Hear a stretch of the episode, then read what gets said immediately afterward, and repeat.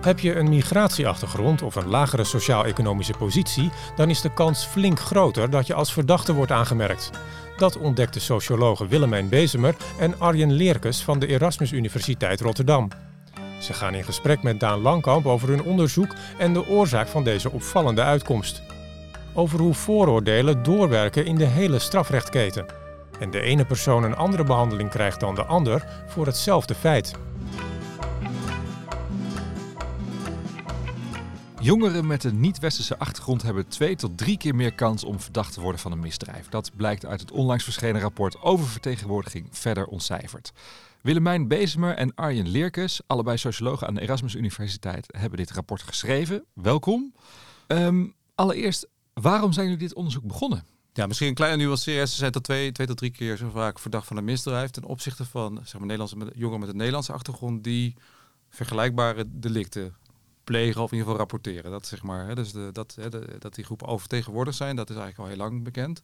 Wat wij eh, hebben onderzocht is vooral ehm, wat de kans is dat, uh, dat iemand gegevens zijn achtergrondkenmerken en gegevens en criminele gedrag ook in de politiestatistieken terechtkomt. En dat kan ook per groep verschillen. En dat kan dus ook een bijdrage leveren aan de oververtegenwoordiging van die groepen.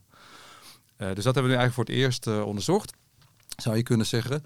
Er is in Nederland al heel lang onderzoek gedaan naar oververtegenwoordiging van uh, groepen met migratieachtergrond. Al sinds de jaren zeventig is dat uh, een soort van nationale hobby in Nederland.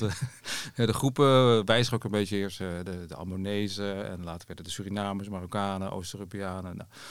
Nou, um, en dus die oververtegenwoordiging die is al vaak gevonden. Niet voor alle migrantengroepen, maar wel voor veel.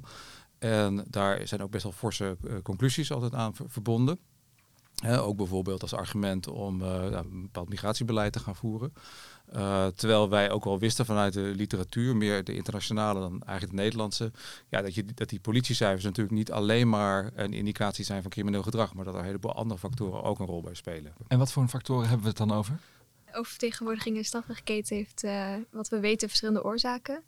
het kan deels komen door verschillen in crimineel gedrag, maar ook door verschillen in de kans dat burgers uh, contact opnemen met de politie of dat de politie zelfstandig contact opneemt met burgers.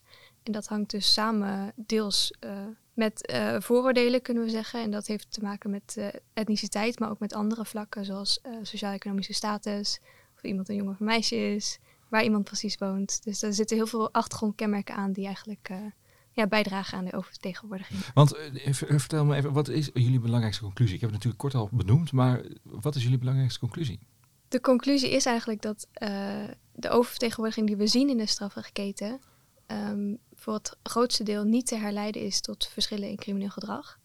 Um, dat is een idee wat nog wel vaak heerst, zowel in de samenleving en soms zelfs ook in, uh, uh, ja, onder de, in de, bij de politie zelf. Ja, want het is natuurlijk niet zo dat wij als een soort van, ja, zeg maar uh, alziend oog precies weten wat iedereen uitspookt. En dat we precies weten wat al, hè, wie wat voor crimineel gedrag allemaal vertoont. En wat we gedaan hebben is dat we, de, hè, in Nederland hebben we een grote enquête die onder jongeren plaatsvindt. Die wordt door het CBS en het 2 wordt elke vijf jaar uitgevoerd. Uh, dat is een representatieve uh, enquête. En dan kunnen jongeren anoniem uh, informatie geven over de delicten die ze plegen. Uh, lichtere, maar ook zwaardere. En ook andere vormen van, laten we zeggen, deviant gedrag, zoals rondhangen op straat of je als jongere wel alcohol gebruikt. Dat, uh, en alle informatie over hun gezin bijvoorbeeld, ook opleidingsniveau van de ouders, aantal vragen over hun eigen, laten we zeggen, ja, psychische kenmerken zou je kunnen zeggen. En wat we, daar, wat we gedaan hebben, is dat we eigenlijk nu voor het eerst het was een klein beetje gedaan, maar we hebben voor het eerst systematisch die gegevens op individueel niveau gelinkt aan politiecijfers over verdachten. Dus je weet eigenlijk wat mensen zelf zeggen over een crimineel gedrag en je weet wat volgens de politie geregistreerd is. Nou, en daar zit natuurlijk wel een zekere gap sowieso tussen, maar je kan kijken of die relatie voor verschillende groepen uh, ongeveer vergelijkbaar is. Of dat voor sommige groepen eigenlijk die verhouding anders is hè, dan voor anderen. En dat zien we veel aanwijzingen voor. Ja, want eigenlijk eh, als je misschien in normaal Nederlands moet zeggen, een, wit meisje in een kleine, in een kleine gemeenschap ergens op het platteland uh, heeft veel minder kans om voor eenzelfde delict gepakt te worden als een jongen uh, met een, een lagere opla een lager opleidingsniveau die in de stad woont. Ja, precies. We zien dus inderdaad dat als we precies dezelfde eh, gerapporteerde delicten met elkaar vergelijken, en dan niet alleen het type delict, maar ook de ernst ervan en hoe vaak het wordt eh, gepleegd of gerapporteerd dat het wordt gepleegd, ehm, ja, dat dus de kans om in aanraking te komen met de politie enorm verschilt tussen die groepen. Ehm, en als je het dan hebt over echt eh, enkele sociale kenmerken, zoals bijvoorbeeld etniciteit, dan zien we dus dat de, het aantal verdachte registraties van jongeren die dezelfde delicten rapporteren vijf keer zo groot is. Ehm, bijvoorbeeld voor jongeren met een Antilliaanse en een ehm, Marokkaanse. Marokkaanse achtergrond. Maar deze verschillen zijn net zo groot voor eh, verschillende opleidingsniveaus. Dus eh, een, jongen van het, of een, een jongere van het VMBO heeft ook vijf keer meer kans dat dezelfde delicten leiden tot een verdachte registratie dan een jongere van het VWO. Ja, wat, wat vinden jullie van die conclusie? Op een bepaalde manier verbaast het niet. Want er is natuurlijk, vooral ook buiten Nederland, is er best wel veel onderzoek gedaan naar, hè, zeg maar, wat ook wel de selectiviteit eh, heet van de strafrechtketen. Eh, en dat is dus niet alleen wat die keten zelf doet, maar ook wat burgers doen. Hè. Dus het is onze, onze straffen in de samenleving als geheel. Dus, en dan verrast het eigenlijk niet. Ehm, het is wel deels een herontdekking, want vooral bijvoorbeeld het, eh, zeg maar de sociaal-economische aspecten, daar werd heel veel over gesproken in de jaren zeventig. Maar dat is helemaal ondergesneeuwd. Het debat ging helemaal, gaat helemaal over zeg maar, etniciteit, ras. Dus dat is wel, zeg maar, eh, ja, was voor ons interessant om te zien dat dat dus ook voor Nederland heel erg eh, een rol speelt. En dat dat deels ook de een verklaring is van hè, waarom mensen met een migratieachtergrond meer risico lopen. Omdat ze steeds meer hoogopgeleid ook in die groepen, maar gemiddeld nog lager opgeleid. Maar dat je dus ook bij mensen zonder migratieachtergrond zie je dat ook. Ja. Hè? En dat is de, nou ja goed, en dan kun je het nog over gender hebben en leeftijd en zo. Maar ja, zeker zeg maar etniciteit en klasse, om het zo even te zeggen. Dat is best, eh, ja, ik vind het is ook confronterend. Eh, jullie hebben hier ook over gesproken met de politie. Hè? Want jullie hebben het onderzoek uitgevoerd voor politie en wetenschap. Wat, wat zeiden zij hier, hier, hierover? Ja, het is een moeilijke. In, in wezen, het is een moeilijke boodschap om te brengen naar de politie. Want je ziet dat eh, de politie zelf, die is natuurlijk bewust van dat er problemen plaatsvinden van etnisch profileren. Dat wordt ook erkend binnen de politie. Ehm, en er zijn ook verschillende programma's gaande op dit moment om eh, dit tegen te gaan. Dus het is niet zo dat eh, de politie dit ontkent of er niks mee doet. Ehm, maar het is uiteindelijk wel moeilijk voor hun om dan ja, dit te horen en dan denken, en, dan, ja, en nu? Wat, wat moeten we hier nu eigenlijk verder mee? Ehm, want in wezen, dit proces wat we zien, dat, eh, dat vindt plaats eh, op, op, op het individuele ni- niveau. Agenten, er zijn duizenden agenten in Nederland. En het is heel moeilijk om dan te zeggen, hoe kunnen we dit nou in één keer aanpassen, zodat we de cijfers zien veranderen. Dus dat is denk ik ehm, toch een wat langzamer proces, wat eh, in gang gezet moet worden. Dus het is in die zin best wel lastig, denk ik, voor ze om dit zo te horen. Ja, jullie hebben dit nu onderzocht, eh, dit voorgelegd aan de politie en ook nou, die conclusie getrokken. Hè. Het, is dus niet alleen maar die etniciteit, er zijn, er zijn meer factoren. Ehm, wa- wa- wat is jullie belangrijkste boodschap voor de rest van de keten? Hè? Want na de politie, iemand wordt door de politie aangehouden, staande gehouden. Ehm, maar er komt een hele keten achteraan. Hè? eh, eh, justitie, eh, de Mhm. rechterlijke macht. Wat, wat, wat, wat kunnen zij hiermee? Ja, nou, een hele eh, goede, belangrijke vraag denk ik die je stelt. Ehm, ja, we- dus we hebben dat, de, dat eerste, zeg maar de eerste fase zeg maar, onderzocht. Dat is wel een hele belangrijke stap, want daar gebeurt heel erg veel. En maar daarna gebeurt natuurlijk ook nog, ook nog veel. En dat is minder onderzocht voor Nederland, zou je kunnen, kunnen zeggen. Eh, maar wat we daarvan eh, weten, eh, ook internationaal en deels in Nederland, is dat, de, dat er een risico bestaat van wat we ook zeg maar, cumulatieve achterstelling noemen. En dat zeg maar dus de bepaalde ongelijkheden die in de eerste, eerste stadia, stadium ontstaan, hè, bijvoorbeeld naar etnische herkomst of naar opleidingsniveau, dat die eigenlijk later nog verder uitvergroot worden. Hè, en dat we wat we bijvoorbeeld zien, we weten uit de, als je kijkt naar de, de etnische samenstelling van de, de jeugd, mensen in de jeugddetentie. Eh, opleidingsniveau weten we niet, hè, maar etnisch wordt dan geregistreerd. En dan zie je dat het eigenlijk dat, de, hè, nou, eh, dat het aandeel van mensen met een migratieachtergrond daar groter is dan de mensen zeg maar, onder die, die bij de rechter komen of de mensen die eh, verdacht zijn. Dus het neemt eigenlijk nog verder toe. Dus de, de, dus de selectiviteit neemt weer verder toe. Dus het, en dat kan ook bewijzen dat je dus ja, dat, dat er ja, dat het ofwel doorwerkt of dat andere, dat een soort gelijke processen later ook plaatsvinden. Niet in alle fases. En wat we uit internationaal onderzoek wel een beetje weten, is dat zeg maar dat in de allereerste stap, dus als bijvoorbeeld de, de, het Openbaar Ministerie besluit, ga ik vervolgen of niet? Ga ik iets mee doen? Dat er daar wel een zekere correctie optreedt. En dat er zaken waar helemaal geen voldoende bewijs is, bijvoorbeeld, dat die, die vallen af. En dan kan er zeker correctie zijn van bijvoorbeeld etnisch profileren of iets dergelijks. Hè, dat er dan, maar als je kijkt naar, naar wat we weten over vervolgingsbeslissingen, en uh, de, de beslissingen die rechters nemen, dan zien we eigenlijk dat hè, de, de, de, de factoren die een risico zijn bij, bij dat eerste stadium, dat die dan ook een risico zijn.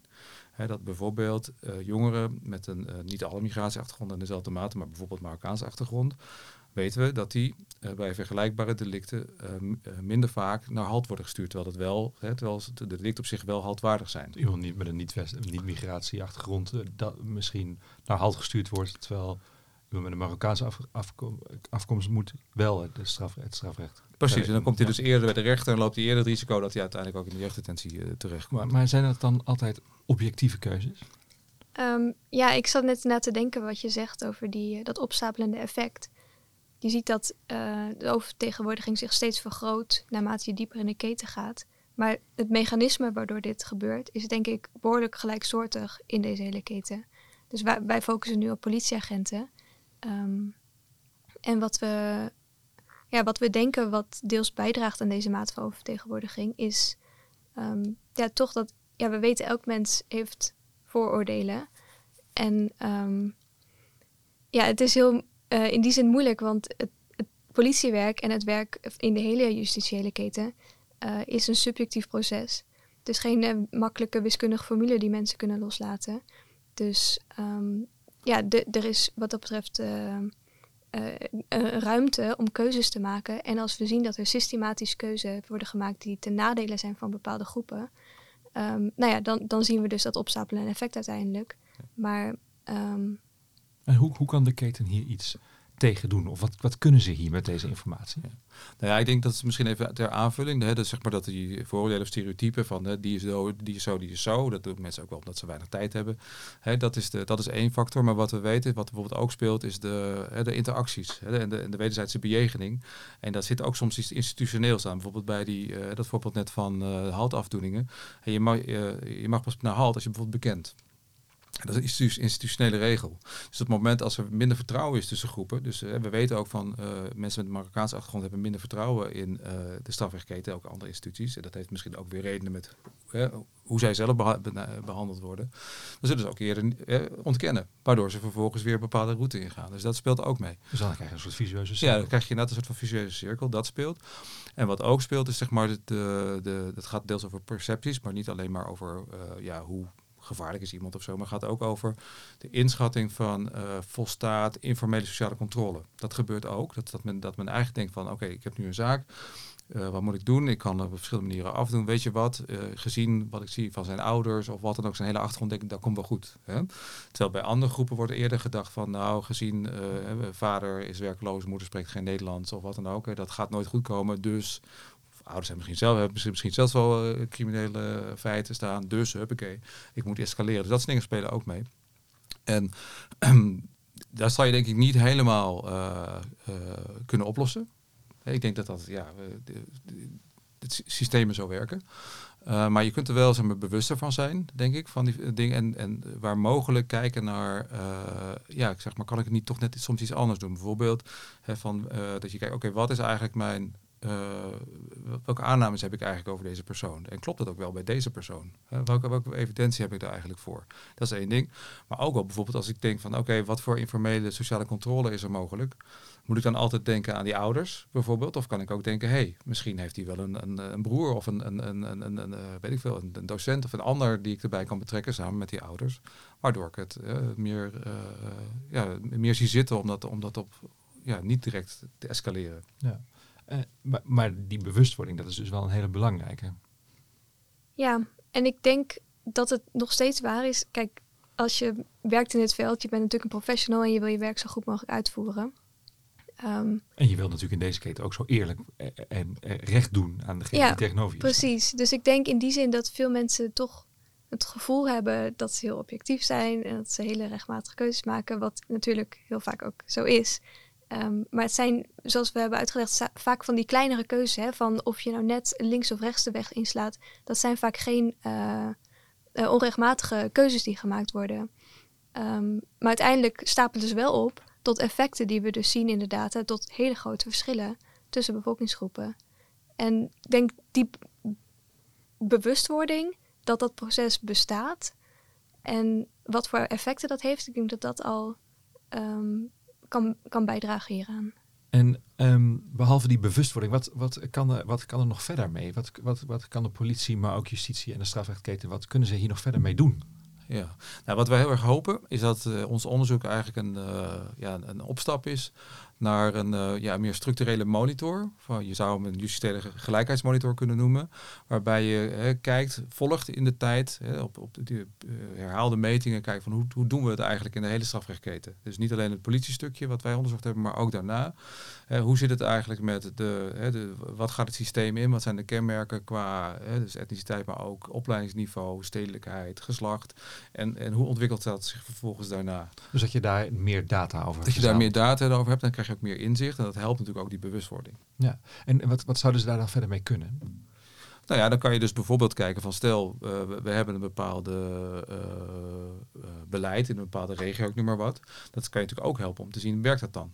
Ja. dus je kan het ook gebruiken als een soort van instrument om te zien dat datgene wat je doet, of dat ook, of dat ook werkt. Lijkt me helder. Willemijn Bezemer en Arjen Likkers, ontzettend bedankt. Graag gedaan. Graag gedaan. Dit was SSR Meestervertellers. Blijf op de hoogte en abonneer je op deze podcast.